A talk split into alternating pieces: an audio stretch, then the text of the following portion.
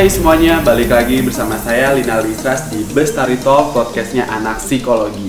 Hari ini saya tidak sendirian, saya ditemani oleh dua teman saya, yaitu ada Saya Famel Oktaviani. Muhammad Hafiz Atala dan di episode kali ini kita akan ngebahas topik yang akhir-akhir ini sering dibicarakan oleh banyak orang yaitu quarter crisis of life atau fase krisis di dalam proses kehidupan. Sebelum kita membahas lebih jauh, kita akan eh, saya maksudnya maaf, saya akan menanyakan apa sih eh, arti quarter crisis of life da- menurut Maya dan Hafiz. Oke, boleh dari Maya dulu. Ke- kalau menurut aku, quarter life crisis itu kayak keadaan di awal 20 tahunan yang di mana yang mengalami hal ini tuh merasakan cemas, takut, sama khawatir terhadap masa depannya. Oke, jadi menurut Maya, uh, seseorang yang mengalami quarter crisis of life ini adalah orang yang cemas akan masa depannya nanti itu bagaimana. Nah, kalau menurut Hafiz sendiri itu quarter crisis of life itu apa ya? Menurut saya, quarter life crisis itu adalah seseorang merasakan kekhawatiran untuk masa depannya. Sehingga seseorang itu menyebabkan bahwa dia nggak punya masa depan yang jelas untuk ke depannya. Seperti itu. Oke, jadi um, apa ya bahasa simpelnya seperti ini. Seseorang itu tidak memiliki tujuan yang jelas untuk ke depan itu bagaimana. Jadi dia mengalami cemas dalam dirinya, gitu ya. Iya, lebih tepatnya tidak memiliki tujuan hidup. Oke, eh, saya sempat membaca beberapa jurnal mengenai quarter crisis of life, yaitu di dalam jurnal tersebut mengatakan quarter life crisis of life itu adalah periode yang dialami oleh dewasa awal, yakni berada pada rentang usia 20 tahun hingga 30 tahunan. Masa yang dihinggapi dengan keraguan-raguan, banyak pertanyaan yang dipertanyakan, mencari identitas diri sebagai pertanda stres menuju titik dewasa, menyebabkan individu pada usia ini rentan terkena stres bahkan depresi. Seperti itu menurut jurnal yang saya baca. Baik, eh, tadi kita sudah membahas mengenai definisi apa itu quarter crisis of life gitu ya kan. Saya akan menanyakan nih kepada Maya dan Hafiz, kalian tuh pernah nggak sih mengalami fase tersebut dalam hidup kalian gitu? Mulai dari siapa? Dari Maya boleh? Hmm, kalau menurut aku, eh kalau aku sih pernah ya ngerasain, cuman tuh eh, bukan di umur 20 tahunan kak, eh, di umur 18an gitu. Itu tuh kayak ngerasa, aduh, ini gue bener gak sih ngejalaninnya gitu, kayak pernah bener gak sih apa yang gue lakuin sekarang, nantinya bisa gak sih ngebantu gue gitu kan. Itu tuh kayak pernah gitu loh kak saya ngerasainnya. Sampai pada akhirnya ada fase di mana kayak teman-teman bikin kayak, oh dia aja bisa berubah gitu dia aja bisa merubah diri dia dari yang bad jadi good gitu kan better gitu terus aku kayak terinspirasi termotivasi aja gitu Oke, jadi tuh Maya mengalami keraguan-keraguan dalam diri Maya bisa atau tidak ke depannya. Hmm, kayak cuma takut juga cemas juga gitu ke depannya baik atau enggak gitu Oke, menurut Hafiz sendiri, Hafiz pernah nggak mengalami fase ini? Oh, pernah dong. Kalau yang saya alami itu ketika waktu remaja itu saya merencanakan masa depan melalui buku.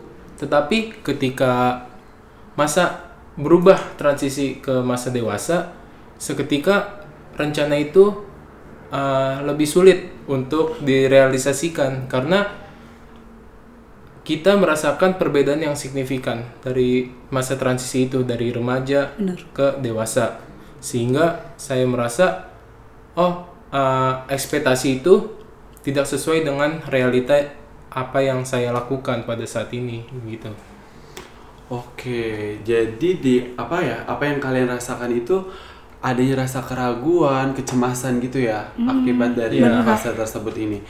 Oke, menurut kalian eh, fase yang kalian alami itu tuh kan ada faktornya dong, ada sebab, ada akibat dong ya. Menurut kalian tuh faktor-faktor yang menyebabkan kalian mengalami atau merasakan hal seperti itu tuh apa?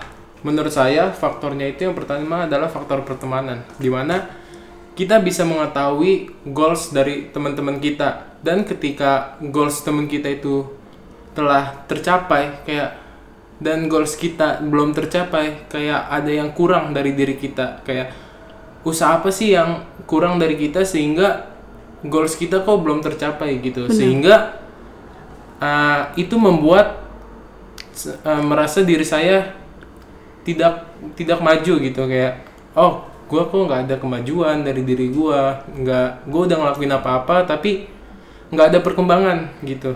Oke, jadi menurut Hafiz itu pertemanan atau bisa dibilang hubungan personal juga mempengaruhi Iya. fase quarter life crisis ini. Dengan kita melihat teman kita sukses tapi kita belum itu merasa kok gue gini-gini aja, kok saya gini-gini aja seperti itu ya. Iya bener banget. Kalau Maya sendiri, menurut Maya apa faktor-faktornya? itu tuh tadi punya Hafiz benar. Buat aku juga aku ngerasain kan hal itu kan. Jadi kayak waktu zaman zaman SMA tuh teman-teman aku tuh kayak- udah kayak punya usaha-usaha sendiri gitu loh. Jadi kayak aku kok ngerasa aku paling terbelakang terus mereka lebih maju. Bukan yang usaha doang ya kayak pinter akademis pinter non akademis tuh kayak banyak banget gitu loh kak. Jadi kayak aku ngerasa ah diri gue gak ada perubahan apa pun ya. Terus nanti gue bisa nggak sih menjalani hidup gue dengan baik ke depannya gitu kan. Terus waktu itu ada juga sempet ngerasain kayak faktornya tuh dari putus cinta ya kak ya. Itu tuh mempengaruhi banget kayak aduh udah deh males gini-gini. Males ngurusin hidup ya gimana-gimana mau yang jalanin aja gitu mikirnya gitu kak. Oke, berarti nggak jauh beda lah ya sama apa faktor-faktor menurut Maya dan Hafiz ini satu hubungan personal dan masalah percintaan. Oh iya ada satu lagi yaitu faktor keluarga. Eh, boleh dijelaskan kenapa keluarga berperan penting dalam fase tersebut? Eh, jelas lah kayak di sini eh, peran orang tua tuh sangat berpengaruh pengaruh menurut saya karena ketika kita melakukan sesuatu tetapi hal itu tidak disukai orang tua pasti orang tua itu membandingkan seperti oh kamu nggak kayak dia. Udah bisa begini-begini di umur segini. Oh kamu nggak bisa seperti itu. Di kamu kan udah dewasa kenapa nggak ngelakuin hal yang seperti itu? Yang menurutnya lebih baik begitu. Oke, jadi maksud Hafiz di sini keluarga yang suka membandingkan anaknya dengan orang lain Iya. itu merupakan salah satu faktor seseorang mengalami fase atau pemicu orang mengalami fase tersebut. intinya sih benar. kak eh, kalau orang tuanya nggak nge-support kita dan lingkungan juga nggak nge-support kita juga ya sama aja Siap. Tapi bagaimanapun kita juga apa ya harus memiliki mindset orang tua itu melakukan sesuatu untuk kebaikan anaknya, Iya sih. walaupun Iya, tidak benar. semua anak bisa menerima itu ya kan. Oke, faktor-faktor sudah, definisi sudah.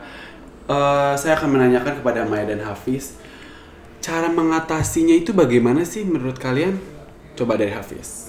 cara mengatasinya yaitu uh, kita berhenti membanding-bandingkan diri kita dengan orang lain setiap permasalahan yang kita punya belum tentu orang lain merasakan Benar. dan setiap permasalahan orang lain belum tentu akan kita rasakan juga seperti itu. Bisa benar benar benar. Eh, membandingkan diri dengan orang lain itu bukan nggak boleh. Boleh tapi harus dijadikan motivasi. Iya. Betul. betul. Jadi kan oke jadi misal kayak gini oh Hafiz udah sukses ya kok saya belum? Bagaimana ya Hafiz bisa sukses? Saya juga harus bisa. Iya, itu benar. boleh. Iya. kalau misal membandingkan dirinya aduh kayaknya saya nggak bisa apa-apa nih aduh kayak gue nggak bisa apa-apa dibandingkan Hafiz itu nggak Iya. boleh kita nggak jangan boleh jangan kayak diri misalkan sendiri. oh gua ketinggalan nih dari dia betul gitu karena setiap orang pasti ada masanya ya kan benar Betul. Kalau dari Maya gimana cara mengatasi? Kalau aku waktu itu ngatasinnya dengan cara kayak pilih-pilih circle sih, circle gitu kak. Jadi kayak kalau dari circle yang ini toxic banget atau ngebanding-bandingin diri dia dengan diri aku, aku ya pergi gitu loh kak.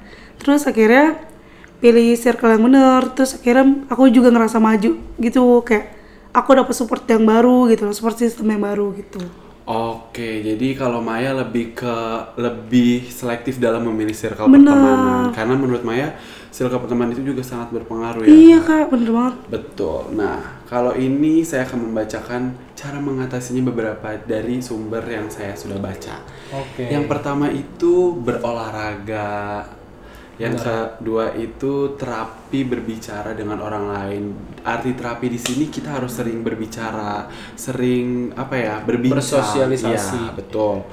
Terus di sini eh, yang ketiga adalah berpikir positif. Itu harus dong ya positif thinking. pasti Terus yang keempat berbagi perasaan dengan orang lain gitu. Jadi kalau misalnya kalian punya rasa atau apa itu nggak boleh dipendam. Itu sangat tidak diperbolehkan untuk dipendam. Kita bisa bercerita itu kepada orang yang kita percayai. Iya, tidak. uh-uh. sama tapi lain. dengan catatan tidak boleh cerita ke sembarang orang. Bener. Betul karena tidak semua orang bisa merasakan apa yang kita rasakan. Ya, benar. Terus memperbanyak aktivitas atau memperbanyak kegiatan supaya kita tidak diam tidak diam menyendiri. tidak memikirkan hal negatif Betul sekali. Malah jatuhnya nanti bisa ke overthinking sih. Ya benar. Lalu mencari koneksi dalam hal karir. Betul. Gitu. Terus eh, ada saatnya kita untuk menyendiri. Arti menyendiri di sini untuk mengevaluasi diri kita supaya lebih baik. Kenapa kita bisa seperti ini? Kenapa orang lain bisa? Kenapa saya nggak bisa? Benar. Dan yang terakhir adalah mendekatkan diri kepada sang pencipta. Balik lagi betul banget semua itu. Kalau kita udah usaha tapi tanpa dibarengi dengan ibadah itu sama aja bohong, Bohong. atau samjubong, sama juga bohong. Gitu. Bener nggak? Betul, Betul banget sih kak, betul banget. Oke. Eh, sepertinya kita udah di pembahasan terakhir nih. Eh, ada pesan gak sih yang ingin disampaikan kepada pendengar Besto kali ini dari Maya atau Hafiz sendiri? Oke, mulai dari Hafiz boleh? Ya, dari saya untuk para pendengar Bestol, coba kita belajar untuk mencintai diri sendiri karena permasalahan yang kita hadapi itu akan kita hadapi sendirian, bukan orang lain yang menghadapi permasalahan kita seperti itu. Dan jangan lari dari masalah karena lari dari masalah tidak Tidak akan menyelesaikan apa pun itu. nah Betul malah sekali. menjadi banyak masalah. Jadi uh, pesan dari Hafiz itu love yourself by myself uh, dan Betul. apa namanya uh, jangan pernah lari dari masalah. Iya. Ketika kita lari dari masalah tersebut bukan menyelesaikan masalah mungkin akan menambah masalah Iya. baru. Benar. Ubah keraguan menjadi tindakan. Betul sekali. Ubah keraguan menjadi tindakan. Headline. Asik. Dari Maya Siap. sendiri. Kalau dari aku sendiri itu ketika kalian udah sadar sama diri kalian dan kalian udah ragu sama diri kalian, kalian melakukan perubahan. Mm, Entah itu nyari circle baru, relasi baru, ataupun hal-hal positif yang lainnya. Oke, ketika kita sudah sadar ini ada yang tidak beres nih, kita harus melakukan suatu perubahan dalam diri kita. Kalau buang yang buruk dan ambil yang baik, gitu. Sedikit perubahan itu menurut aku penting banget buat diri aku sendiri ya. Kalau buat aku pribadi, apalagi kalau udah ngelakuin perubahan perubahan-perubahan besar dan kalian ng- ngasih self reward ke diri kalian sendiri itu paling bagus banget.